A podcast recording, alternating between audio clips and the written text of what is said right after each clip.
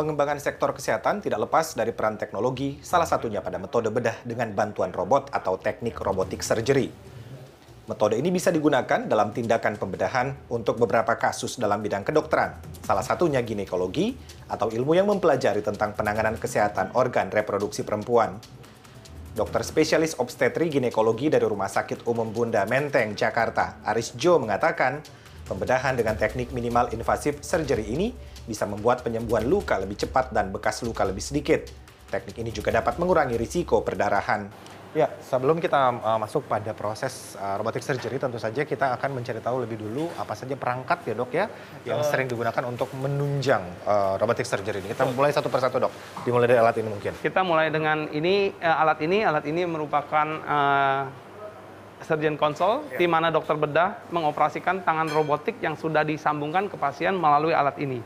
Jadi di sini uh, dokter bedah akan ditunjang oleh pandangan yang mumpuni, salah satu pandangan yang terbaik yang bisa didapatkan saat ini dengan visualisasi 3D, di mana kita tidak perlu uh, uh, mengalami kesulitan pada seperti konvensional laparoskopi sebelumnya yang tidak support oleh 3D visualisasi. Nah, di sini setelah akses dari uh, perut pasien dipasang, kemudian ini robotik akan disambungkan atau yang disebut proses docking.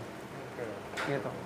Kita lihat bahwa ini sekarang kita akan melakukan pemasangan 45 derajat karena dari kandungan itu kadang-kadang kita membutuhkan suatu asisten dari arah jam 6 untuk memanipulasi organ dalam dengan menggunakan vaginal manipulator. Nah, kalau misalnya ini nanti bidang urologi ini settingannya akan beda, Dok. Oh, oke. Okay. Ya, mereka bisa dari arah jam 6, mereka bisa dari arah jam 3 gitu. Itu disesuaikan dengan kepentingan tiap pembedahan. Robotik surgery juga membuat pekerjaan dokter lebih efisien dan tidak cepat merasa lelah saat melakukan pembedahan, karena posisi badan operator lebih ergonomis dan visibilitas lebih baik. Ya, kemudian satu lagi apa? Kelelahan dari operator juga patut dipertimbangkan, dok. Kalau misalnya seorang operator bekerja 6 jam atau lebih mungkin pengalaman saya 6 jam, itu tangan sudah mulai bisa bergetar. Sedangkan dengan robot ini, Anda mau sampai 10 jam juga tangan robot ini tidak akan bergetar ya kemudian presisi, kemudian range of motion. Range of motion itu jadi kayak persendian dari ujung dari instrumen robot itu sama seperti tangan manusia. Jadi tidak ada keterbatasan gerak. Sebelum menjalani operasi, pasien diberi edukasi secara detail terkait kondisi penyakit dan seberapa cepat proses penyembuhan pasca operasi. Pasien juga tidak serta-merta dioperasi, tetapi harus melewati rangkaian pemeriksaan mulai dari anamnesa, tes laboratorium, CT scan dan MRI, juga pemeriksaan pendukung lainnya. Sebetulnya ketika awal saya dapat uh, konsultasi pertama pun, dokter sudah menjelaskan dengan sangat detail ya. Jadi uh, plus minusnya seperti apa, pro and kontranya seperti apa, terus kemudian itu juga disesuaikan dengan situasi saya, situasi dan kondisi uh, karena kan langsung waktu itu kan ada USG dan sebagainya ya.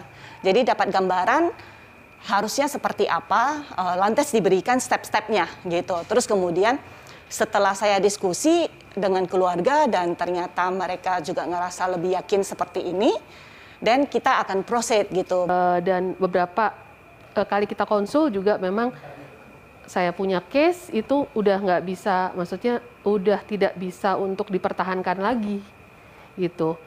Sooner or later nanti akan kamu toh harus menjalani ini kalau enggak itu akan uh, membawa ke yang lebih suatu yang lebih buruk lagi. Oke, dari situ ya kita mantep, kita sepakat sama suami juga, saya runding, oke. Jalanin aja operasi ini supaya ke depannya juga quality of life saya lebih baik. Biaya pembedahan dengan teknik robotik surgery di Indonesia lebih terjangkau bila dibandingkan dengan beberapa negara tetangga. Di Singapura, pasien harus merogoh kocek sekitar 400 juta rupiah, sementara di Malaysia sekitar 250 juta rupiah. Di Indonesia, biayanya antara 140 sampai 160 juta rupiah untuk satu rangkaian mulai dari pemeriksaan hingga operasi. Karena waktu penyembuhan lukanya lebih cepat dibandingkan operasi konvensional, pasien tidak perlu lama dirawat di rumah sakit. Sehari pasca operasi, pasien sudah bisa pulang ke rumah. Presiden RI Joko Widodo pernah menyatakan pada 2021 ada 2 juta orang Indonesia yang berobat ke luar negeri dan Indonesia kehilangan 97,5 triliun rupiah akibat hal ini.